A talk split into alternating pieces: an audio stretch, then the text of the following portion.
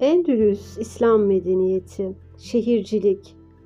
10. yüzyılda Endülüs'te sokakların lambalarla aydınlatıldığını, içinde musluktan suların aktığı hastanelerin olduğunu, kütüphaneler, camiler ve hatta umumi hamamların bulunduğunu duyduğunuzda belki de şaşıracaksınız. Endülüs Müslümanları hidrolik mühendisliğinde uzmanlaşmış olmaları sayesinde kemerle su yolları yapabiliyorlardı ve bu sayede dağların eteklerinden ülkenin başkente olan Kurtuba'ya su getirebiliyorlardı.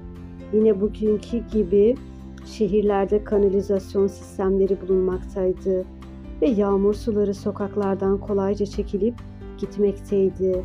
Aynı dönemde Avrupa'nın Paris, Londra gibi şehirleri geceleri zifiri karanlıkta batak ve çamur içindeyken Endülüs şehirleri ışıl ışıl ve tertemiz bir haldeydi.